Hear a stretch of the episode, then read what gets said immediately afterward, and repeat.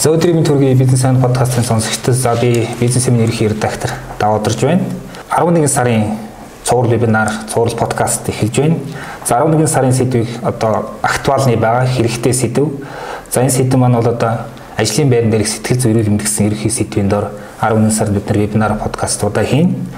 За 3 вебинар, 3 подкаст явна энэ сард. За тэгээд эхний зочин маань ирсэн байна. За энэ хүн бол психометрик төвийн захирал, сэтгэл зүйч, за психометрикч гэдэг юм бас шинэ мэрэгжил дээр ажилладаг Жавцсан багш маань ирсэн байна. Өдрийн мэнд. За өдрийн мэнд хүргье подкастаас сонсч байгаа. За баярлалаа. За тэгэхээр Жавцсан багш маань бас одоо ковидын үеэр бас нэг удаа манай подкаст нэг удаа орж исэн. За ерөнхийдөө бол одоо психометрик одоо сэтгэл зүйн асуудлыг одоо ямар нэгэн тийм хэмжих үзүүлэлтүүд оруулж одоо үнэлгээ онцлогоо хийдэг ийм ажлыг хийдэг гэж ойлгож байгаа тийм ээ. За тэгэхээр өнөөдрийн битээр одоо ярих сэдв бол ажлын байран дээрх стресс менежмент гэж байгаа. За энэ бол үнэхээр одоо тулгамдсан сэдв, ярих ёстой сэдв тийм ээ. Бас тэгтээс амаргүй сэдв.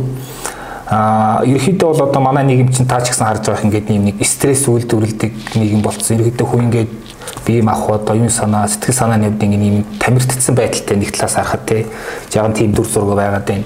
Тэгэхээр бол ингээд байгууллагад яш тэр ер нь гэр бүл хуван одоо өөр өөртөө ш тэр ингээд ийм ийм комфортгүй байдалд орсон тийм байдлыг юу ажиглагтаад байгаа тий. За тэгэхээр өнөөдрийн бид тэр ярих онцог бол мэдээж ажлын байрны орчин дэх стресс менежмент. За тэгэхээр а яг уу жаахан гинэн сонсогч магадгүй ч гэсэн ингээд яг стресс менежмент гэж яг юу юм бэ те ер нь тэрнээс соёл эхлээд тодорхойлтоос яриа явуул бас хүмүүст илүү ойлгомжтой байх гэж бодож байна тийм ээ. За стресс менежмент гэдэг бол өргөстийнхэн болон байгууллага багийнхаа стрессийн түвшинг хэмжээд тогтоогоод түүн дээрээ зориулсан зохих арга хэмжээнүүдийг авах үнэлгээ үр дүнгийн боловсруул түүн дээр гарсан зөвлөм зөвлөмждөр гарч үйл ажиллагаа хэрэгжүүлэх энэ үндсэн дөрвөн одоо дараалсан процесс чухал процессыг стресс менежмент гэж хэлээд байна. А стресс гэдэгт бас өөрийн бас тодорхойлт байгаа хэрэгтэй. Одоо гэдгийг зарим нэг хүмүүс мэл ер нь яг хүн төрөлхт яг өнөг их шиг юм амир юм сэтгэл зүйн асуудалтай байгаа гэсэн үе байхгүй юм шиг байна гэдэг байхгүй. Ер нь яг стресс гэдэг нь өөрийг шинжилгээ тодорхойлно юм. Стресс гэдэг бол аль зүйлд бидний бие махбод хариулт үзүүлж байгаа л хэлбэр шүү дээ. Хариулт үзүүлж байгаа хэлбэр. Нэгэсэндээ хин нэгний огцом сэтгэл хөдлөл бид нар хариулт үзүүлж яах гэсэн үг. Өдөр тутам хийдэг нэг үйлдэлээс ажиллаа байнга хийж чадхаа болоод түүндээ хариулт үзүүлж яах гэсэн үг.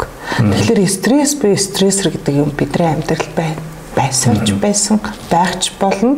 А бүх стресс үүсгэж байгаа бүх хүчин зүйл муу биш. А стресс нь улам хүчтэй болоод бидний бие махбодод одоо сэтгэл санаа сэтгэц гэж хэлээд байгаа. Ментал гэж хэлээд. Сэтгэц оюун.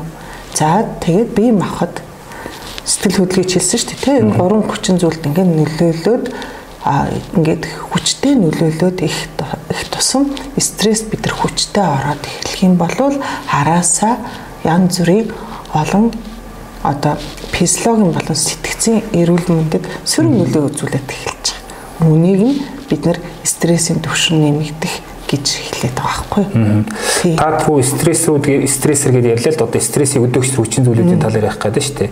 Яг ажлын байрны орчин дээр ер нь яг одоо тэрийг үүсгэх гол хүчин зүйлс нь юу вэ? Стрессер аюу маш олон шалтгаанаас үүсч болно ажлын байран дээр хүмүүс хоорондын харилцаа ужуулна байгууллагын өдөртлөгөөс ирж байгаа харилцаа ижил төвшингийн хүмүүсийн хоорондын харилцаа ажил үүргийн хуваарлалт за тэгээд нэг хэм одоо нэг хэмнэлээр хийх ажил. За тэгвэл хит их олон ажлыг нэг жаглан хийн гэж хэлдэг шүү дээ тийм ийм олон ажил хийх гих мэдчлэнгийн олон хүчин зүйлүүд бидний амьдралыг тойрсоор байдаг стрессрүүд байж л бай. Тийм стресс бид нар цухтах ямарч боломж байхгүй. Тэгэхээр одоо нөө стресс маань хараад хар ингээ нөө хувь хүний төвшөнд одоо багийн төвшөнд бүр байгууллагын төвшөнд за бүр цаашлаад ирвэл ингээд нийт нийгмийн янз янзын хэлбэр үүсээд нь штэ. А зүгээр эхлээд би нөө хүн дээр асуумаар юм л да. Одоо түрүүний таны ярьсан шиг ингээд янз янзын стресс үүсгэх хүчин зүйл аюу олшроод тэр дүр илүү хүчтэй нөлөөтэй болоод хүн ч нөгөө нэг юм өмнө нь бол ингээ ямар нэгэн байдлаар ингээ шингээгээд ч юм уу тэрнийх юм реакц өгөхгүй болоод байсан чи одоо ингээд тэр хүний тэр чадамж нь ингээд дийлэхээ байгаад байх шиг байна те. Тэгэхээр хүн хүн ер нь зүгээр яг үүдгийн өөрийнх нь төвшин стресстэй яаж менежмент хийх ажлын орчинд ороод ирэхээ те энэ дээр нь юу анхаарах ёстой. За. Тэгэхээр таны яг над асуултанд хариулахаас өмнө би бас нэг юм хэлэх гээд.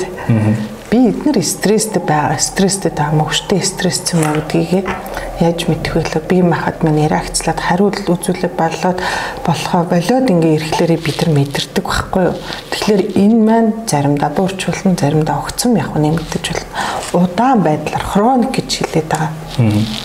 Хроник гэж хэлээд байгаа. Ийм хроник гэд би удаан үргэлжлэх эсвэл давтагдах байдлаар үргэлжилж байгаа тохиолдолд бидэрт сөрөг нөлөө үзүүлээд байгаа байхгүй. Тэгэхээр энэ хроник байдалтай орцсон тохиолдол заримдаа бид нар мэдхээ болчдөг. Нэг л ажлаас юм гараас гарахаар болчдөг. Хий гэсэн юм а хийгдэхэ болчдөг.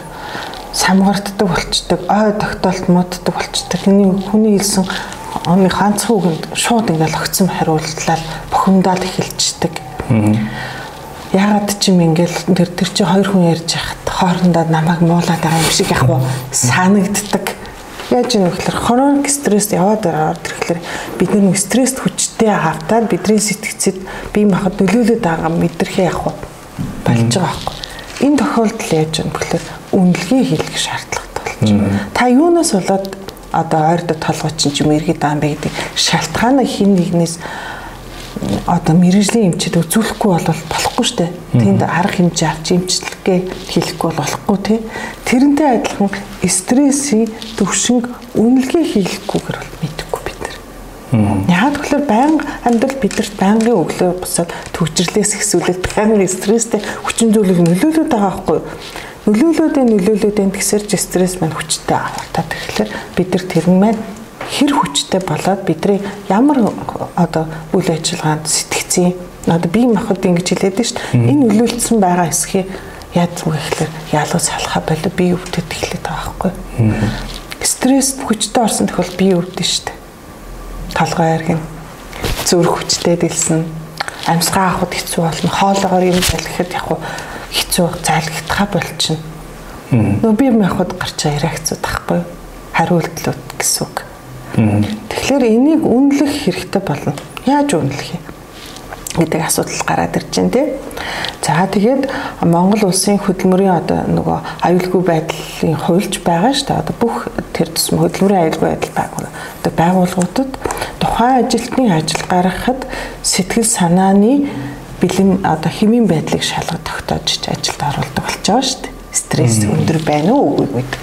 Тэгэхээр энийг цаавалчгүй үнэлэн штэ өнөөдөр стресс нь өндөр байгаа хүнийг тухайн маш хүчтэй стресст орсон хүнийг одоо тэр тусмаа энэ манай том үйлдвэрүүд байгаа штэ нөгөө аюулгүй байдал хэмэлдэг адил safety чухал байгууллагууд дээр стресс өндөртэй хүмүүсийг ажилдаа оруулах юм бол тэрний дагаад айгүй том урагшгууд бий болно. Үйлдвэрлэлийн том том ослууд бий болно тий гих мэдчихлэнгээр. Тийм учраас стрессийн үнэлгээ гэдэг юм аа хийх хэрэгтэй одоогоор стрессийн үнэлгээ хийх ямар боломж Монгол улс дэлхийн нийтэд байна гэхлээр хоёр хүчин зүйлээ нэгдүг нь болохоор а одоо асуулгын аргаар үнэлдэг.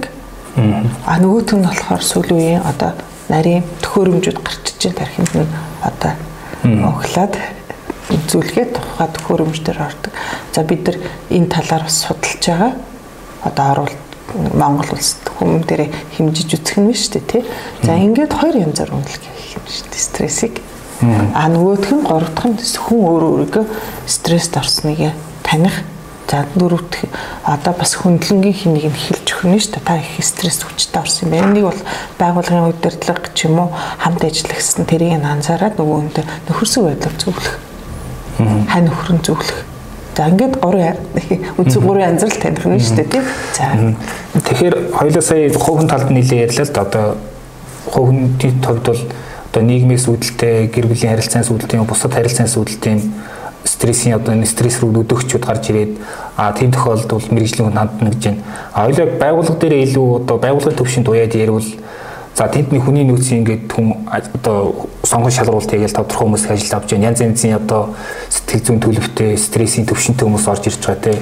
Тэн дээр яг одоо юу гэдгийг аа яг мэрэгжлийн байгууллагад мэдээж хандах нь илүү оновчтой. Гэхдээ юу гэдгийг тэр яг хүний нөөцийн тэр нэг менежментийн төвшин тэр бодлогын төвшөнд бас энэ стрессийн асуудлыг яаж одоо тийм сортлох гэх юм уу те бас нэг тийм нэг таних тийм арга хэрэгслийг ер нь тэгэхээр одоо шууд тэг гэдэг арга хэлхээс өмнө би бол эхлээд нэг жишээ татъя л да. А Америк нэгдсэн улсын одоо хөдөлмөрийн төр байгууллага судалгаа хийсэн байна. Ажил хийж байгаа хүмүүсийн 75% стресст ордог. Өндөр ажлын стресс 75% нь орчдөг. За ийм учраас Япон улс бүр албан ёсоор албан ёсоор сэтгцийн стрессийн стресс менежментийн үнэлгээг штэ ажлын байрны стрессийн үнэлгээг жилд заавалчгүй нэг удаа хийх ёстой гэдэг хуульчлал оруулсан байна. Хуульчилж оруулсан байна. Нэг удаа хийх ёстой бүр албан ёсоор шүү. Тэгээд та бүхэн энэ яг нь интернетээс ингээ хайх юм бол хөдөлмөр Японы тэр ажлын байрны стрессийн одоо үнэлгээний талаар мэдээлэлүүд гараад ирнэ. Тий. Тэгэхээр бид нөгөө ажилчтай эрүүл мэндийн үзлэгт оруулаад идэх те. Ажил эрүүл мэндийн үзлэгт оруулдаг. За тэгмэгцэн бүх ажилтыг сэтгцэн эмчд үзүүлэх шаардлагагүй шүү дээ. Тий. Тэгэхээр бүх ажилчтай стресс үнэлгээнд л оруулах байхгүй. Энэ бол нэг мөсөн нэг одоо ажилчдаг бүгдээр ингэж хамруулж байгаа процесс байхгүй. Эндээс стрессийн төвшнөд нэгэсэнтэй илэрэн таны хэлээд байгаа сортлох процесс явагдана гэсэн үг. Сортлно.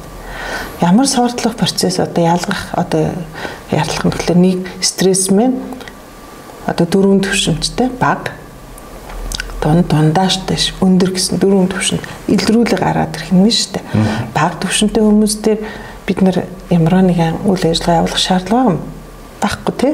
Дундаас баг дээр нь тодорхой хэмжээгээр анхаарнө гэд тэр хүмүүсийг дэмжих тодорхой хэмжээний одоо спорт олон нийтийн үйл ажиллагаа зохиолох юм байна. Дундаас дээш төвшөнтэй хүмүүстээр нь тодорхой хэмжээгээр тэр хүмүүсийг хамарсан стрессийн хөтөлбөр сургалт йог одоо бүлгийн сэтгэл засал гих мэт үйл ажиллагаа явуулна. Стресс хүчтэй байгаа хүмүүс нь жинхэнэ одоо нөгөө хүмүүст мэн давхар одоо side effect буюу хоёр талын хүчин зүйл үүсгэх нь шүү дээ. Стрессээс болоод тэр хүн чинь физиологийн хүчтэй болцсон байж болох нь тий бас сэтгцийн бас хүнд одоо ганцхан юу болохгүй шүү дээ. Янз бүрийн сэтгцтэй гэхээс илүү сэтгцээр хүч өвдөж болно шүү дээ. А одоо бүр готрол руу орцсон, төгшүүр рүү орцсон. Энэ хүмүүсийг чинь илрүүлж өгтөн туслаад байгаа байхгүй илрүүлж өгтөн тусалж байна. Магадгүй тэр хүмүүс өөрсдөө ч мэдгүй явж байгаа шүү дээ. Тэгэхээр тэр хүмүүсийн маань илрүүлээд харин тэр хүмүүс дээр маань даста мэрэгжлийн сэтгцэн эмчт хандах уу сэтгэл зүйч хандах уу гэдэг зөвлөм зөвлөгөө хүргүүлж байгаа байхгүй. Аа тэгэхээр байгууллага дээр сэтгэл зүйч нараа ажиллуулж байгаа. Гэтэ тэр сэтгэл зүйч мянган ажилтнтай тэ 500 ажилтнтай байгууллагын бүх хүнтэй уулзаж амжих уу? Амжихгүй. Амжихгүй. Зарим хүнд нь уулзах шаардлага байхгүй шүү дээ. Тэр чинь өөр өөрсдөө амьдралыг зохицуулаад байгаа учраас тэгэхээр тэр хүн хинтэй уулзах хэрэгтэй юм бэ? Тэр нөгөө нэг стресс менежментийн үнэлгээгээр тодроод гараад ирсэн одоо асуудал үүсчихсэн тэр хүмүүс өөртөө ч мэдгүй байгаа тэр хүмүүс туслан дэмжлэх үүрэгтэй байхгүй. Тэгэхээр энэ стресс менежментийнхаа гол нь ажлын байрны стрессийнхаа үнэлгээг хийлгэхийн ач холбогдлыг манайханда одоохондоо байгууллагууд маань нөгөө зардал өндөр гэж ойлгоод хийхгүй байгаа тагаа тагlalтай. Гэтэл одоо энэ стресс менежментийн хөтөлбөр Монгол улсад ганцхан явдсан биш ээ. Дэлхийн нийтийн маш олон улсад, Австрали, Канада бүх улсад явж байна. Тэгээ энэ стресс менежментийн үнэлгээ хийх болсон шалтгаануудад тогтоосон ямар зардал хүмүүст үүсэж гэхээр энэ сэтгцэн эрүүл мэндийн энэ байдал одоо одоо нэгэсэндээ сэтгэл одоо би сэтгцэн эрүүл мэнд гэж яриад байна. А сэтгцэн эрүүл гэдэг бол нэг бүтсэн одоо нийтээр ярьдаг зүйл шүү дээ. Нэг өсөндө а Монгол сэтгэл зүйчтэй бол сэтгэл зүйн сайн сайхан байдал гэж тайлбарладаг байхгүй. Сэтгэл зүйн сайн сайхан байдал маань одоо ингээд байгууллагын түвшинд бурхлаар хүний нөөцийн зардал хөвс нэмэгдэж Нөгөө хүмүүс маань ажлын байран дээр тогтож ажиллаж чадахгүй. Ажлаас нь гараас нь гар юм гарна гэж байхгүй шүү дээ тий. Гарахгүй. Тэгээд нөгөө ажлын байран дээр доктортой авахгүй болохоор дахиад нөгөө зараа тавьдаг дахиад 3 сар сургадаг 3 сар сургаал нөгөө хүмүүс мань ажлаас гардаг. Нэгдүгээр нь хүний нөөц асар том зардлууд гараад за тэгээ хамгийн гол нь ажлын бүтээмж шууд буураад. Ажлын бүтээмж шууд буурна гэдэг бол ерөнхийдөө бол одоо бүх байгууллагад бүтээмж буурна гэдэг бол цагаараа орлого тий? Зардал өсөх хамгийн одоо сөрөг үр дагавар штэ ажлын байрны бүтээмж буурна. За тэр тусмаа энэ дамжлагтай ажиллага штэ циклтэй үйлдвэрлэл том том үйлдвэрлэлд тэр дотор нэг амар маш чухал хэрэгцээтэй инженер өнөөдөр сэтгцэн эрүүл мэндээр нэг өдөр л унахад тэр үйлдвэр тодорхой хугацаар зогсон тий. Тэгэхээр ямар ахтар ажил юм. За тэгээд энээсээ болоод бид нарт яадаг гэхээр энийгээ дагаад бид нар цаг хугацаа орлого алдагдаад байгаа болохоор бизнесээ нэг хөгжүүл ахихт дэвчих боломжуудаа алдлаад байна. Тэгээ дээрэс нь стресс менежмент одоо ингэ стрессийн түвшин ингээ өндөр байх тусам яаж юм гэхээр эрсдлийн зардал нэмэгдэх гэж. За. Эрсдлийн зардал. За тэгэхээр нэг ёсондоо ямар эрсдлийн зардлууд үүсдэг вэ гэхээр бүр Америк нэгдсэн улсад бүр тооцоо хийсэн байгаа шүү энэ эрсдлийн зардал дээр 200 мянган 200 тэрбум долларын ийм эрүүл мэндийн үйлчилгээ нөгөө стрессийн үнэлэхгүй байснаас болоод хүмүүсийн эрүүл мэндэд төлсөн эрсдлийн зардал төлсөн байна. Яагаад эрсдэл альтернатив үүсэх талаар ярьсан шүү дээ тий. Эн чинь маш олон эрсдлүүд үүсч болно шүү дээ нөгөө ажлын байран дээр сэтгэл санаа хэвэн биш ажиллах боломжгүй нь ажил гаргаснаас болоод үүсэх эрсдэл чинь өөр айгүй их одоо сөрөг нөлөө олдож шүү хүний амь нас үтгэх үйлдвэрлээ хэдэн зуун тоног төхөөрөмжийн гэм талаараас нь авчрын шүү дээ тий. За тэгээ менежментийн мэдээ зардал өснө.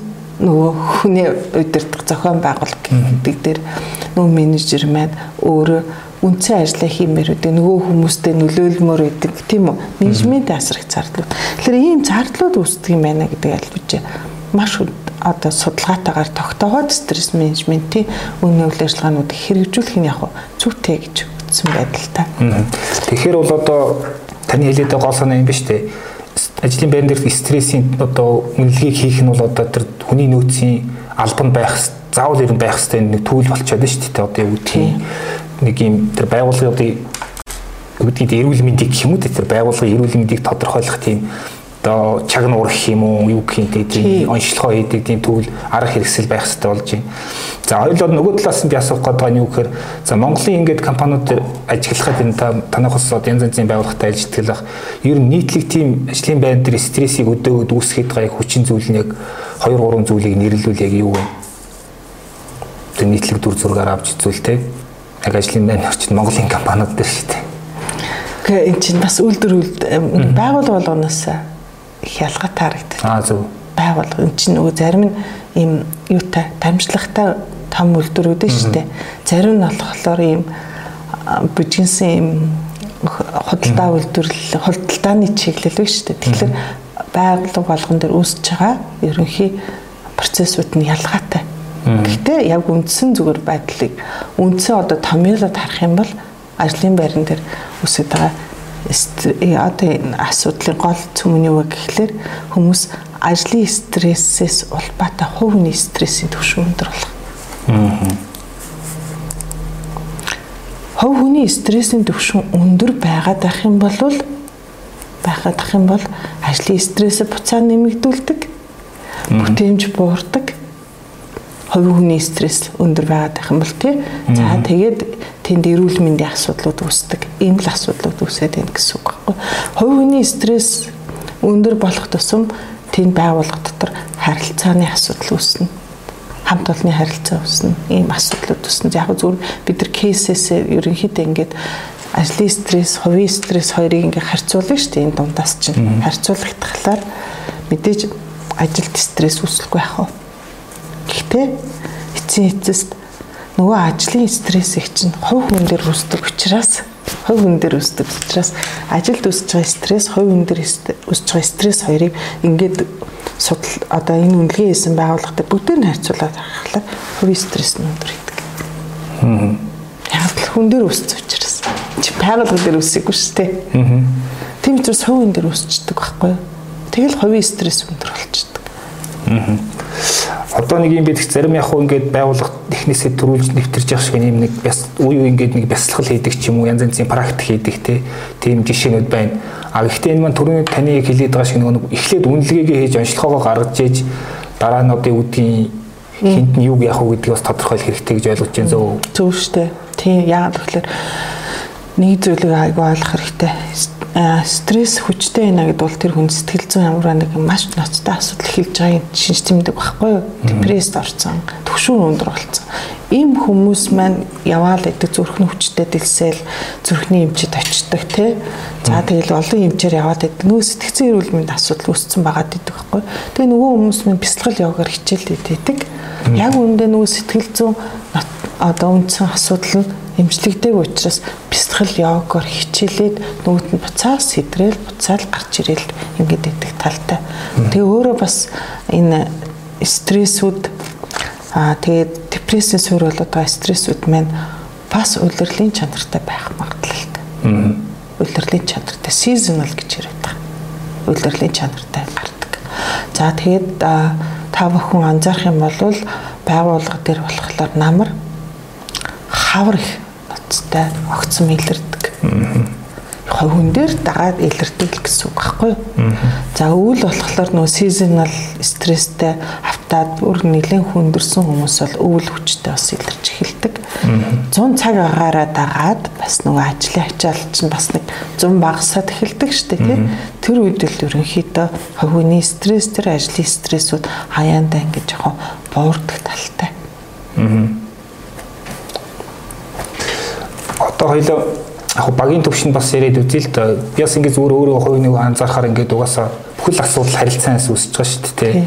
Тэгээд ялангуяа багийн төвшин дээр очихоор янз янзын судалгаанууд байдаг юм байна лээд нөгөө хүмүүс орж гарч байгаа ингээд ажилдаа тогтохгүй нэг шалтгаан ингээд тэр менежертэйгээ ингээд нэг ойлголцож чаддгүй те одоо цаад менежер нь юу гэдгийг хүмүүс өдөр тур чадвараар дутуу байдаг ч юм уу эсвэл одоо яадаг чи ерөнхийдөө яг гол шалтгаан менежерсээ болж ажилласаа гардаг гэсэн судалгаанууд байгаад байгаа хгүй олон улсын төвшөнд үндэсний төвшөнд гэсэн.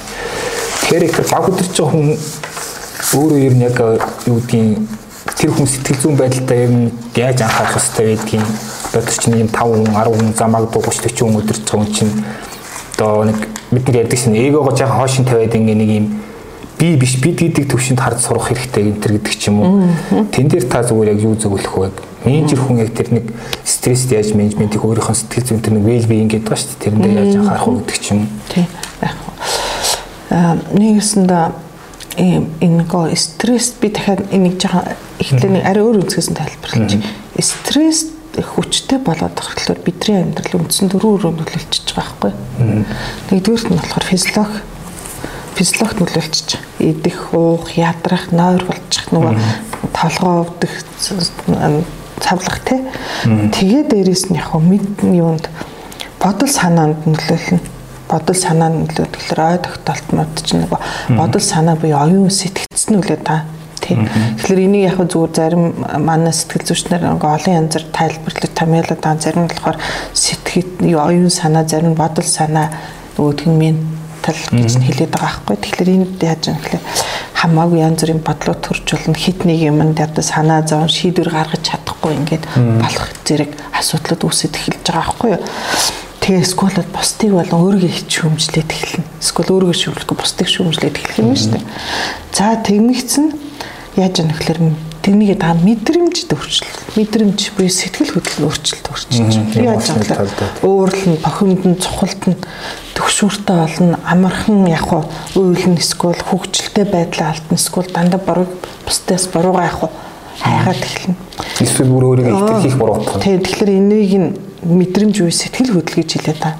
Нөгөөх нь болохоор зан үйл буюу харилцаа гэж бас зарим хүмүүс нь харилцаа, зарим хүмүүс нь зан үйл гэж тайлбарлаж орчуулчихэд байгаа. Одоо нөгөө ийм тийм нэг бид нар чинь бахан мэддгүү бүхний мэддэг хүмүүст орчлоо шүү дээ. Тэгээ энд нэг хүн ингэж орчуулсан, нөгөө хүнд ингэж орчуул харилцааны хүрээнд. Харилцааны хүрээнд орчлолт орчихлоор яаж юм бэ гэхээр нөгөө хамт олонтойгоо харилцаанд орчдөг болж байна хамт харилцаалтайгаа эвсэг харилцаа болно. Гэр бүлтэйгээ эвсэг харилцаа. Харилцааны хүрээнд өөрчлөлт орж байгаа тохиолдолд ганцхан ажлын байран дээр өөрчлөлт орохгүй шүү дээ. Тэр чигээр амьдралын бүх харилцаанууд автобусанд явсан бүх хүндэл хүнтэй модалцаал. Ажил дээрээ ч хүнтэй модалцаал. цагаал нөгөө амир мартаал бухимдаал тай ингээл зам үлд айгүйх өөрчлөлт ороод эхэлж байгаа байхгүй юу. Тэгэл эхэлснээ дуусгаж ингэж чадахгүй. Эсвэл бол хүмүүсээс эсвэл бүр цухтаач. Бүр харилцах. Эсвэл бол яг хүн үгэлээ. Зүгээр шууд үлгэж аваад тэрэнд ингээл реакцлаад эхэлж байгаа. Тэгэхээр ийм нөхцөл байдалд борцсон хүнтэй менежер маань яаж харилцах вэ гэдэг асуудал гараад ирж байна л гэсэн үг байна. Харин Эсвэл менежер өөрөө бас ийм асуудалд орсон байж болох уу? болно. Болно. Бүр хортой тэгээд. Бүр хортой. Өө яг үнэ. Тэгэхээр энэ нөхцөл байдлаа баг дээр анзаарах хэрэгтэй байхгүй. Тийм учраас стресс менежмент чинь хувь хүн баг байгууллага гэсэн нэртэй байна. Бүгдээрингийн массаар нь үнэлгээ хийлгэсэн тохиолдолд хувийн стресс нөгөө стресс менежментийн даваа тал нь юу гэхээр байгууллага өөрөө нэг судалгаа ихлээр зөвхөн л нөгөө өөрсдийнхөө нөгөө ажилчид яаж ирж байгаа гэдэг төвшнгөөс гарч хаад байгууллагын удирдлага алдааг бүх юм үүрдэг бол стресс менежментээр хувь хүн өөрөө асуудал ясныг олж харж байгаа. Баг өөрөө асуудал ясныг олж харж байгаа. Нэг нь тэрэн дээр тулгуурлаад байгууллага өөрөө асуудалтай ясныг олж харж байгаа байхгүй юу? Энэ чинь хин хиндэ бенефиттэй, хин хиндэ ач холбогдолтойгоос хувь хүн би энэ ажлыг өргөжлүүлээгүй байсан үндсэн шалтгаанаа ойлгоо мэдэрч байна гэсэн үг байхгүй юу? Тэгэхээр ийм болцсон тохиолдолд нөгөө хүн маань нөгөө багийнхаа стрессийн түвшин бууруулах нөгөө хүнийг ойлгож харилцахгүй бол харилцаа улам л хүндрэн шүү дээ. Тэр хүн стресст орцоо. Угаасаа ажлаас нь гараас нь яг юм гарахгүй шүү дээ. Та гаргийн шаардаад үрдүн гарахгүй байхгүй юу? Зарим стресс орсон хүн бүр ингэ хийгээд бодсон ч гэсэн ингэ бүр хийх дургүй яг хүрээд идэг. Тэгэхээр ийм тохиолдолд тэр хүн уян хатан хандхаас өөр арга байхгүй. Арчи үед менежер гэж сэтгэл хөдлөл гэж ярьдаг болсон. Юу сэтгэл хөдлөл гэдэг бол тухайн хүмүүсийн сэтгэл санааг ойлгоод түүн тохирсон хариу үйлдэл үзүүлэх арга ухаан штэ. Орчин үеийн харилцааны арга бол сэтгэл хөдлөлийн оюун ухаан дээр зүгээр нэг ажилд алах тухай биш байхгүй юу тий. Тэгэхээр орчин үеийн сэтгэл хөдлөлийн оюун ухаан гэж өнийг л хэлээд байгаа штэ. Тий. Тэгэхээр эндээс бас нэг чухал дүгнэлт гаргаж болох гэдэг л да. Одоо ингээд байгууллага одоо захирлууд ямар нэг хүнийг за удаан жил ажилласан ч юм уу ер нь голдуу тэгж харддаг тий. Тэгж чад менежерээр томилдог ямар нэг юм төсөл ахлуулдаг ч юм уу эсвэл баг ахлуулдаг тий А тэгэхэд бас яг нөгөө нэг таны төлөвлөлтийг нөгөө нэг стресс тэр хүн юм яг сэтгэл зүйн төлөв нь ямар аваа яг тэр одоо юу гэдэг тэр стрессээ одоо менежмент хийж байгаа байдал нь өөрийгөө одоо нөгөө нэг IQ талаас нь удирдах байдал нь хэрэг нэгдий бас үнэлж ш тэр хүнийг менежерээр томилох хэрэгтэй гэсэн санаа хэлэх гээд тийш болох гээд байна тий. Тий хэлтгэлгүй яг одоо юу штэ? А манай байгууллагаас одоо үнэлгээ хийдэг сэтгэл хөдлөлийн оюуханы тест ба. Тэр тестийн хамгийн тав дахь бүлэг нь бол стресс менежмент бүлэг штэ. Стресс менежмент дээрээ зохицуулж чадахгүй байх юм бол тэр хүм менежер хийхэд бас хэцүү байхгүй. Тэр хүмүүсийн уур бүхэмдлийг хаяа өөртөө шингээж авахс өөр арга байхгүй шүү дээ. Шингээж авна. Бид нар нэгэснээр мэрэгжлийн сэтгэл зүйч одоо сэтгэл хүн хувьтай болж байгаа тэр хүмүүсийн уур бүхэмдлийг бид нар нэгэсэнд шингээж авч зовлонгийн сонсч өөртөө шингээж авчих дээ Тий. Тэрнтэй адилхан байхгүй менежер хүн тухайн ажилтныхаа бүр хэмжээ ус хүлээгээд аваад сонсох тэрэнд реакцлж хариу үйлдэл үзүүлэх хэрэгтэй биш байхгүй. Тэгэхээр сэтгэл хөдлөлийн оюун ухааны хэсэг оюун ухааны орчин үеийн ойлголтын нэг хэсэг нь өөрөө стресс менежментийг зохицуулах байхгүй. Аа тэгэхээр танах бол одоо мэдээж янз янзын байгууллагатай ажилтдаг багтай. Тэгэхээр юу гэдгийг одоо Y ажилтнтай X компани гэж зүгээр яг нэр мэр ярьж болохгүй л ах л да. Тэгээ зүгээр яг тодорхой кейс ярил ер нь яг тийм боломж байгаа тийм. За асуулттай холбоотой гарч ирнэ. Ямар асуулттай холбоотой гэдгээс гарч ирнэ тий. За жишээ нь одоо та тэр ярил үйлдвэрүүд ингээд янз янз олон байсанс одоо нөгөө дамжлагтай ингээд ер нэг юмнаас нөгөөх нь аюу их шалтгаалдаг шалтгааллах байдал нь өндөр тий. Яг үйлдвэрийн төвшөнд одоо аваад тэр үйлдвэрийн жишээгээр аваад үзлээ гэхэд ер нь яг тэн дээр стресс менежментийн асуудлаар ярил тэн дээр ямар хүн нийтлэгтийн өдөөгч хүчин зүйлүүд байна. Тэрийг бас тэгээд яаж одоо менежмент хийх хэрэгтэй гэдэг ч юм уу бас одоо тий. Аа за том том үйлдвэрүүд дээр ямар зүйл харагдаад байгаа гэхэлэр нөгөө баг тухайн нэг юм цэх баг тий. Дотроо сэтгэл зүйн таагүй уур амьсгалт стрессийн түвшин өндөр байх тусмаа тусмаа нөгөө дамжлагын процесс байгаа штэ энэ сөрөг нөлөө үзүүлдэг юм бэл. Дамжлага удаашруулдаг дамжлагыг хойшлуулдаг. Гих мэтчлэнгээ нөгөө байгуулгын одоо гүйцэтгэлийн хурд байгаа шүү дээ. Тэрэн сөрөглөө үзүүлэгч шин. Тэгэхээр нөгөө энэ стресс менежментийн үйлдвэрч байгууллага баг дотроо асуудалтай байна уу? Баг хоорондоо бас асуудалтай байна уу? Илэрч гардаг. Нэг нь стресс менежментийн ажлын байрны стресс менежмент төлөвлөр хувь хүний стресс гарахаас гадна тухайн байгууллагын нөгөө ажлын байрны гүйцэтгэл байгаа шүү дээ тэрнтэй холбоотойгоор тухайн хүнд үүсэж байгаа стрессийн асуултуудыг тавиад өгдөг учраас олон хүчин зүйлүүд илэрдэг. Энэгээр юу илэрч болж байна гэхлээр та альтрын 3 зүйл гэж асуусан. Би 3 зүйлийг хэлж болохгүй байсан байхгүй. Нэгдүгürt нь ажил үргийн хойролт дээр ямар асуудал байгаа харагдаж байгаа. За ямар нөгөө талаас нь ямар байгууллагууд дээр ямар хэсгүүд дээр ачаал өндөр байгаа нь харагдаж байгаа. За ямар багууд дээр нь багийн доторх сэтгэл зүйн өр амьсгал таагүй байгаад байна. Ямар багуудын хооронд сэтгэл зүйн өр амьсгал таагүй хооронд харилцаа султайгаа нь давхар харагдаж байна. За тэгээ ямар баг баг дээр нь ажил дээр одоо нөгөө цалхах гэж байгаа шүү дээ тий. Цалхах үед байдал үүсээд байгаа.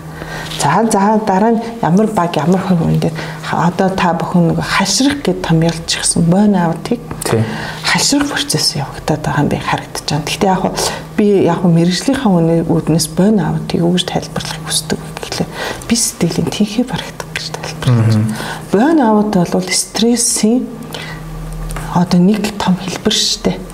Ажлын байр энэ burn out ажлын байран дээр үүсдэг зүйл биш байхгүй ганцхан burn out бол а одоо гэр бүлийн харилцаа энэ төр гээд маш олон зүйл дээр хэлнэ. Тэгэхээр бүр ингээ burn out дээр би дахиад тайлбарлахад удаан хугацаанд үргэлжилсэн эсвэл байнгын тавтагддаг стресстэй хөдлөлөөс хүний сэтгэл хөдлөл оюун санаа бие махбод маань хит ядаргаанд ороод би сэтгэлийн тэнхээ байгаа процесс. Тэгээ бүр цэнийг дуусч. Аа би цэнийг дуусч байгаа. Би burn out яг ингээ логикоор ойлгох юм бол би сэтгэлийн тэнхээ байгаа. Тэг бүр ингээ Адам Борланд гэж сэтгэл зүйч хэлсэн ба бид нар бол маш асар том стресстэй орчинд одоо ажиллаж байна. Маш их олон стресс. За энэ дотроос хам одоо энэ тий бидний бие сэтгэлийн тэнхээ хамгийн их яг энэ стресс орчноос барагдаж байна гэж байгаа юм. Тайлбар хэлсэн та тамир барагдаж байна гэж бас аюу гоё томьёолж болох гэдэг байгаа үстэй тий. За ингээд хальшрах процесс ингээ үсэт явагдаад байгаа хгүй энэ олон нөгөө байнга эсвэл давтагддаг. Одоо зарим дамжлага дээр бол зөвхөн нэг юм үлдлээ ингээл аваад тавьж штт. Тэгсэр гэж байгаа тэнд сэрэл яг үүсгэж болчихж байгаа хгүй. Энд чинь яаж юм гэхээр ажлаас залхаж байгаа хэлбэр яагаад залхах гэдэг процесс явж чинь дахиад сэтгэл зүйн үндэстээр тайлбарлал. Та биш үү? Муухай ингээ муухай өнөртөө өрөөнд орно шүү дээ. Эхлээ яах вэ? Хамрал аа дарна тий. Тэгээ яах вэ? Яванд яадаг лээ? Тасна. Тасна. Сэрэл яг үүсгэж олжиж байгаа байхгүй. Тэгэхээр залах гэдэг процесс юунаас болоод байгаа гэхэл нэг юм үйлдэлийг байнга хийгээд тахлаар аяндаа сэрэл яг хүнд үүсгэж болчдөг. Тэгээд эхлэхлээр хүнд залхах үйлдэл үүсчихэж байгаа болчихж байгаа байхгүй нөгөө л нэг л юм байн өдөр болгон хийгээд тахлаа бид нар өдөр болгон нэг юм ганцангаас хоол идэх тахлаар хоол намтг болчиход тийг адилхан байхгүй тэгэхээр залуу процесс явчих. Хайшрал болж байгаа тэгэхээр энэ дотор ийм олон юмнууд процессууд үүсчихэж байгаа байхгүй. Ийм одоо стрессүүд үүсч тэгэхээр одоо энийг тогтоо гаргаад ирлээ. Одоо яах вэ Харин одоо дараагийн асуулт эндээс гарах шүү дээ. Энийг одоо юу гэдгийг одоо нөх хүний нөөцийн бодлоготой ер нь яаж босгох хэрэгтэй болж байна. Тэртээ тэргүй стресстэй орчинд хүний нөөцийн бүрдүүлэлт явагдах гэдэг шүү дээ, тий. Тэгэхээр одоо тэр бидний одоо энэ энэ юм хүмүүст чинь юм залхах процесс, ийм хашрах процесс үүссэн байна. Энэ дамжлага дээр ийм процессын алдаа үүсчихсэн байна. Нэг нүний хувийн стресс өндөр байна. Бид нар яг хувийн стрессийг нэмэлтээ бас гэр бүлээс болоод байна уу, удирдлагаас болоод байна уу, эдийн засгаас болоод байна уу гэдэг бас гаргаж ирж судлаад өгч байгаа байхгүй. Тэгэхээр энэ олон хүчин зүйлүүдээр тулгуурлаад зөвлөм зөвлөмж одоо гаргасан өрнөлтийн дагуу үйл ажиллагаанууд хэрэгжүүлэх нь шүү дээ тий. Хувийн стресс өндөр байгаа хүмүүстээр гэр бүлээс болоод байгаа л тэр хүмүүсийг гэр бүлийн сэтгэл засалт ч юм уу явуулах нь шүү дээ. Энд дээр нөгөө хувь хүн дээр хэрэгжүүлэх алхмууд нуур болоод эхэлж байгаа байхгүй. Та ажилчдаа бүгдээрийн физиологийн одоо эмчид очиж үзүүлнэ Тэгэхээр тэр хүмүүсийн өвчнөд бүгдээр ижлэх юм биш үү? Бүгдээр ижлэх юм биш тийм үү? Бүгдээр уушгины өвчтэй биш дээ. Нэг зүрхний өвчтэй, нөгөөх нь юуны өвчтэй. Одоо зүрхний өвчсөн нөгөөх нь одоо нуруугаар өвчсөн байж бол. Тэгэхээр тэр хүмүүс тэр имжлэх арга зүйн оруулаад тэгэхээр энэний үр дүнгээс шалтгаалаад нийтлэг авах хүний нөөцийн үйл ажиллагаа менежмент төр одоо ченж өөрчлөлт их хүний үйл ажиллагаа энэ чинь ганцхан хүний нөөцийн бодлогод нөлөөлөхгүй менежментийн үйл ажиллагаанд нөлөөлнө. Тэгээ хувь хүн дээр авах үйл ажиллагаа, баг дээр үйл ажиллагаа гэд задарсан үр дүнгууд гарч эхэлнэ гэсэн үг байхгүй юу?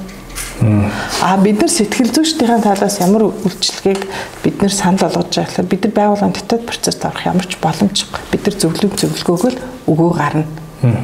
Тэр байгууллагын дотоод дээр тэр залхах процесс үссэн хүмүүс ажлын байрыг солих ч юм уу тэрийг хэн шийдэх юм? байгууллага өөрөө шийдвэх. Бид нар оролцох ямар ч хэрэг байхгүй. Оролцох. Тэр гүйцэтгэлгүй л бид нар оролцох ямар шаардлагатай шаардлагагүй шүү дээ. Тэрийг бол байгууллагт өөрт нь тусгах. Нийт ажилчдын дунд стрессийн төвшин бага байгаа хүмүүсийг дээр нь бүх хүмүүс стрессийг бууруулах нэг ивент зохиох юм уу тэрийгэ зохион байгуулах. За стресс өндөртэй хүмүүсийг одоо төвшин өндөртэй дундаас дэс гэсэн ба штэ тэр хүмүүс дээр нь тохиор нийлүүлээд стресс менеж стресс гэж үг хэлдэг. Стрессээ яаж болохгүй гэдэг сургалтыг яг дахиж явуулах. Яг тэгэхээр үнэлгээг л хүлээж тавьчаа. Би яг стрессцэн гэдэг тэр хүн хүлээн зөвшөөрөхгүй байгаа дээ. Тэгэхээр тэр хүмүүст нь бид нар стресс гэж юу байдаг гэдэг сургалтыг явуулах. За үнэхээр өндөр түвшинд рүү орсон хүмүүстэй бид нар сэтгэл зүйн зөвлөгөө ганцаарчилсан байдлаар юм уу бүлгийн байдлаар өгөөд тэр хүмүүс нь шаардлагатай хүмүүсийн сэтгцэн эмчт нартай хамтарч яг хөндлөнгийн интервеншн гэж хэлээд байгаа. Хөндлөнгийн оролцоо хийдэг. Тэгэхээр байгууллага болгох дээр гарч байгаа үр дүнгээс нь гарч байгаа ерөнхийдөө цааш давхрын арга хэмжээ хүний нөөцийн бодлого тэр тусмаа сургалтын үйл ажиллагаа нөлөөлнө. Тэгээ менежмент өөрийгөө бас арай өөр нүдээс харах нь шүү дээ. Тэрийг удирдлага руу нь явуулчихна. За тэгээ хувь хүн дээр бид нар тодорхой арга хэмжээнүүд бүлэг дээр нь тодорхой сургалтууд явуулна. Хувь хүн дээр нь цаашид одоо стрессийг бууруулах талаар тий тэрнээс үүсэх асуудлыг нийлүүлэх талаар тийм арга хэмжээнүүд нийгмийн зөвлөмжүүдийг бид нар хүргэдэг гэсэн үг. Тэгэхээр одоо нэг гадны кинонууд гардаг дээ. Ингээд зарим юм том компаниуд сэтгэл зүйчтэй байдаг. Ингээл тодорхой одоо төлөвлөгөөний дагуу ингээд уулз багийн уулзалт ганцаарч уулзалт хийгээд явж харагддаг те. А Монголын нөхцөлд угаас бас стресс бол угаасаа байгаа те.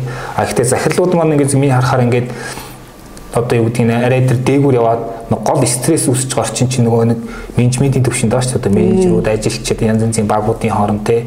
А захирал маань ингээд бол нэг өрөөндөө тэр дээр сууж байгаа те. Яг тэрийг мөргөж мэдэрдэг. А ер нь яг энэ том байгууллагуудын хувьд ингээд Монголын нөхс сэтгэл зүйчтэй байх ер нь хэрэгцээ байгаа юу? Эсвэл юу гэдгийг одоо тийм аутсорс байдлаар ч юм уу эсвэл тийм хамтран ажиллах байдлаар одоо танах шиг юм байгууллагуудтай хамтрах илүү оновчтой байна. Ер нь яг энэ стресс менежментийн арга төлөвийн юу бодлогыг яаж хийлгэх зүгээр. Би бол зүгээр та бүхэн зөвлөхэд үнэлгээнд дэр болвол мэрэгжлийн байгууллага тандсан зөв шүү гэж хэлэх гээд. Яагаад гэвэл тухайн энэ хүний айгу эмзэг асуултуудыг байгууллагын хүний нөөцөөс асууж байгаа тохиолдолд ямар ч хувь хүн үннээр хариулдаггүй. Яагаад гэвэл энэ хүн миний нууцтай манай хүний нөөц манай удирдлага миний хувийн нөөцийг мэдэх гээд гэдэг одоо сэтгэлээр тий хувь хүн хариулдаггүй та мэдээж гисэн жишээлбэл та байгууллага дээр таны бие чи өвдөд энэ нөхлөр зарим бүр ингээд баашлаа штэ а зарим болохоор эрүүл байна л гэж хэлнэ. Яг үнэн байдлаа хэлэхгүй байхгүй юу? Тэгэхээр ийм үнэлгээнүүдийг болохоор яг мэрэгжлийн байгууллагуудаар үнэлгээ хийлгэсэн нь илүү үр дүнтэй. Үр дүнтэй. А бид нар чинь мэрэгжлийн байгууллага учраас нөгөө хувь хүмүүст илгүүлж байгаа дэлгэрэнгүй тайлбарлан гэдэг нь хизээч байгууллагын удирдлага хүний нөөцөд явуулахгүй. 130 200 мянган хүний дэлгэрэнгүй тайлантай хүний нөөц захирал унших илүүтэй гарсан цаг зав байхгүй. А бидний ялгаатай бусад байгууллагаас ялгаатай хүний нөөц одоо менежментэд зориулсан тусдгаа дахиад тайлан, хувь хүний тайлан, байгууллагын тайлан хоёр гаргаж өгтөөрөө бид нар илүү ялгаатай ах нь шүү дээ. Энд чинь нарийн боловсруулалтын дээр толгуурласан. За харин байгууллага өөрөө мэрэгжлийн сэтгэл зүйчтэй байх нь илүү үр дүнтэй одоо зарим одоо эхнээс эхлүүлээд хэрэгжүүлсэн байгууллага төр ингээ анзаараад ахна нөгөө мэрэгжлийн сэтгэл зүйчдэр аа одоо ингээд тайл ярилцаж стрессээ бууруулах асуудлаа одоо хилэлцэх ийм эрэлт хэрэгцээ хүмүүс асар их байдаг. А гэтэл байгууллага өөрөө тэр хүн болгоных нь тоогоор хүн болгоных нь тоогоор нэг одоо мэрэгжлийн хүнд хандуулах зардал чинь өөр асар өндөр гарах байхгүй юу? Одоо дундаж наад захын сэтгэл зүйчийн цагийн үнэлгээс одоо бараг талаас 100 болоод эхэллээ шүү дээ. Ер нь хамгийн бага нь тийм байх шүү дээ. Талаас 100 болоод эхэллээ шүү дээ. Тэгэхээр юу та 100 ажилт нэг 100 мянган төгрөгөөр нэг удаа л сэтгэл тэр асуудлыг нэг цагийн дотроос шийдэж болохгүй. За тэгээд тэр чинь нэг удаа шийдэхгүй зарим бүр дараалал бүлгийн сэтгэл засалд явуулна. Энэ дээр бол зарим кама одоо пам хон байгууллагууд яаж юм гэхээр бүлгийн сэтгэл засалд нөгөө бүлгийн биш ганцаарчсан дараалсан сэтгэл засалд явуулах хүмүүст нь тодорхой хэмжээгээр 20% 30% нөгөөд хувь хүн үлдсэнийг яг гаргадаг. Тиймэрхүү аргууд бас зарим байгууллагууд нь хэрэгжилж байна л да. Тэр нь бол яг мэрэгжлийн хүн дээрээ хандсан нь бол зүг багхгүй юу? Тий. А тэгэхээр байгууллага бол сэтгэл зүйчтэй байх шаардлагатай. Их ярих хүнд ярих хэрэгцээ байна стрессэд тайлах хэрэгцээ байна. За тэгээ сэтгэл зүйч гэдэг бол нэгдүгээрт хүний зовлон сонсноо тэг сууж байгаа. Хоёрдугаарт нь стресс тайлах үүрэгтэй. Гуравдугаарт нь тухайн хүний гаргаж байгаа шийдвэрийг нь дэмжих яг зүйчрүүн чиглүүлж яг үүрэгтэй тий. Дөрөвдүгээрт нь цаашид одоо уртлан сэргийлэх дараагийн шатны хүмүүстэй хамтарч ажиллах ийм бас давхар үүрэгтэй гэдэг багхгүй юу? Аль нэгэн сэтгцийн асуудлаас үүсгээс урьдчилан сэргийлэх юм шүү дээ. Тэгэхээр мэдээж байгууллага дээр сэтгэл зүйчтэй ахын зөв шийдэл а мэдээж нарийн төвшөнд ороод ирж байгаа тохиолдолд дахиад мэрэгжлийнх нь одоо жишээлбэл жоохон бронхиттай болцсон мэл шүү дээ. Энийг нэгдүгээр шатны имлэг эмчдэггүй шүү дээ. Хийш хааш очих. Хоёрдугаар шат руу явна үстэй. Тэрнтэй л адилхан бүр тэр хүн сэтгцэн эрүүл мэндийн бүр өвдсөн бүр хавдрын шиг эмнэлэг рүү очих шаардлагатай бол сэтгцийн эмч нарт хамтрахаас харах байхгүй. Тэгэхээр энийг бас илрүүлж өгч байна л гэсэн үг. За баярлалаа. За тэгэхээр өнөөдрийнхээ подкастыг ингээд өндөрлөе. Аа ер нь бол яриад байвал тусгаагүй тийм актуалны сэдв байгаа. Танд бас хэлэх юм үлдсэн санагдав. За хэлэх юм үлдсэн. За тэгэхээр дэлхийн International Library Organization гэж байдаг шүү дээ. Тэгээ International Library Organization бол одоо ингээд ажилд ажилд байдаг хүн ажил хийдэг хүмүүст үүсдэг одоо ингээд өвчнийг тодорхойлж гаргасан байдаг. Тэгээ үндсэн ажлын орчноос үүсдэг. Ажлын үүсэл тийм. Тэгэхээр үндсэн гурван бүлгийг тодорхойлсон байгаа байхгүй. Эхнийх нь бүр эхний бүлэг нь болохоор тухайн ажил үүрэгтэй холбоотойгоор үүсдэг юм эрсдэлтэй өвчнүүд байгаа. Жишээлбэл одоо нөгөө одоо химийнхаа юмд хорддог ч юм уу те ажлын эрсдлээс үүсдэг мэрэгжил мэрэгжлүүд тэрийг олж ихсаацсан ба нэгдүгээр бүлэгт нь хоёрдугаар бүлэгт нь болохоор тодорхой нэгэн хүний одоо эрхтэн биш үү те энэ нь нөлөөлдөг хүчин гүд гэж байдаг гинэ. Ажлын байран дээр тодорхой нь за үүнийх нь нэгдүгээрх нь болохоор амьсгалын зам хоёрдугаарт нь болохоор арьсны өвчнгүүд. За гуравдугаарх нь болохоор болчингийн болчин одоо нэг ясны өвчнгүүд шүү дээ дутаа суглаа нуруу өвддөг. Дөрөвдүгээрх нь болохоор сэтгцийн болон зан үлийн эмгэг гэж бүр томьёолсон байна. Сэтгцийн болон зан үлийн эмгэг Тэгэхээр энэ энийг одоо сэтгцэн болон зан үлийн эмгэг үүсэх энэ өвчин үүсдэг шүү гэдэг дэлхийн одоо лабор интернэшнл лабораар тодорхойлцсон байгаа учраас энийг үнэлэх яг зөв шаардлагатай. За тэгээ Канадын бас одоо occupational health буюу одоо мэрэгжлийн тэ өвчнөөс үүсэх эрүүл мэнд түүнийг одоо аюулгүй байдлыг хангах юм байгууллага гэж байдаг. Эндээс бас 7 юм одоо ажлаас үүсдэг өвчин нэг тодорхойлсон байсны 6 дахь нь стресс буюу сэтгцэн эрүүл мэнд. Тэгэхээр энийг сэтгцэн эрүүл мэндийг үнэлэх заашгүй яг хаа биеийн физиологи эрүүл мэндийнх нь үржилгэнд хамруулж байгаатай адилхан сэтгцэн эрүүл мэндийн тэр тусмаа стресс үнэлгээнд нийт ажлаа хамруулах нь бол одоо зайлшгүй цаашд бүр хийгдэх ёстой альбан ажил яг болж хуурж байна гэдэг манай байгууллагууд өөрсдөө сайн ойлгосоо л гэж энэ подкастаар бид хэлэх гэсэн. За баярлалаа. За тэгэхээр сүүлийн яг сошиал нэг юм нэг э, мэдээний яваад одоо монголчуудын 4-ний 1 жилөө 3-ны 1 жилөө ингээд 3 3 хүндэтмийн илүү 4 хүндэтмийн илүү ингээд сэтгцийн асуудалтай гээл тийм тоо гарцсан байна гэл янз янзын барин 50 минут яваад багш тэгэл нэг нэрээ сайн хараад тийм ээ. А тэгтээ энэ бол одоо юу гэх юм нэг тийм өдөө хүн дээр хүлээж авах асуудал биш. Угаасаа бидний стресс орчинд амьдарч байгаа. Тэгээд подкастын төгсгөд сонсогчтой юу гэж бас би хэлмээр нэхэр сэтгэл гэдэг чи ялгаагүй эргэтэнтэй одоо зүрх уушиг гэдэг шиг эргэтэн. Тэгж зүрх уушиг нь хүн дээр өвдөж байгаа нэг л ажил дээр байлгаад байгаж болохгүй шүү дээ. Тэрнтэй адилхан бас сэтгэл нөх өвдөж байгаа нэг бас одоо юу гэдгийг заавал чи энийг ингэж маргааш хийх хэрэгтэй гэдэг ч юм уу. Ийм бас шаардлага байж болохгүй нэ бас тэгээд энэ бүх асуудал чинь бодитоор байгаад байна. Гол нь энийг таньж онцлож үнэлүүлэх ер нь яг ямар төвшөнд энэ чинь бидний бүтээмжийн одоо бизнес төр яаж нөлөөлөдгийг эхлээд ойлгох нь маш чухал юм байна. Энийний тулд одоо юу гэдгийг хувийн төвшин, багийн төвшин дээр ч юм ингээд тэр стрессийн үнэлгээ, стрессийн төвшний үнэлгээг л хийлэх нь бол хамгийн түрүүний алхам шүү тийм гэж захимаар байна. Тэгээд ерөөхдөө хувь хүн менежерийн төвшөнд хүртэл ярьлаа а бас удирдгчийн өөрийнх нь сэтгэл зүйн асуудал гэж бас нэг тусдаа том асуудал байгаа. Тэ тэр бол буруугаар үргэлж бүр хортой гардаг тийм асуудал. Энэ асуудлыг өөр подкастаар бид ярих болно. За ингээд өнөөдөр подкаст өндөрлөлийн маа зочноор психометрик төвийн одоо захирал сэтгэл зүйч психометрикч Жавзан зөвлөх маань орслоо танд баярлалаа. За баярлалаа. Харлаа. Бүгдээр нь баярлалаа.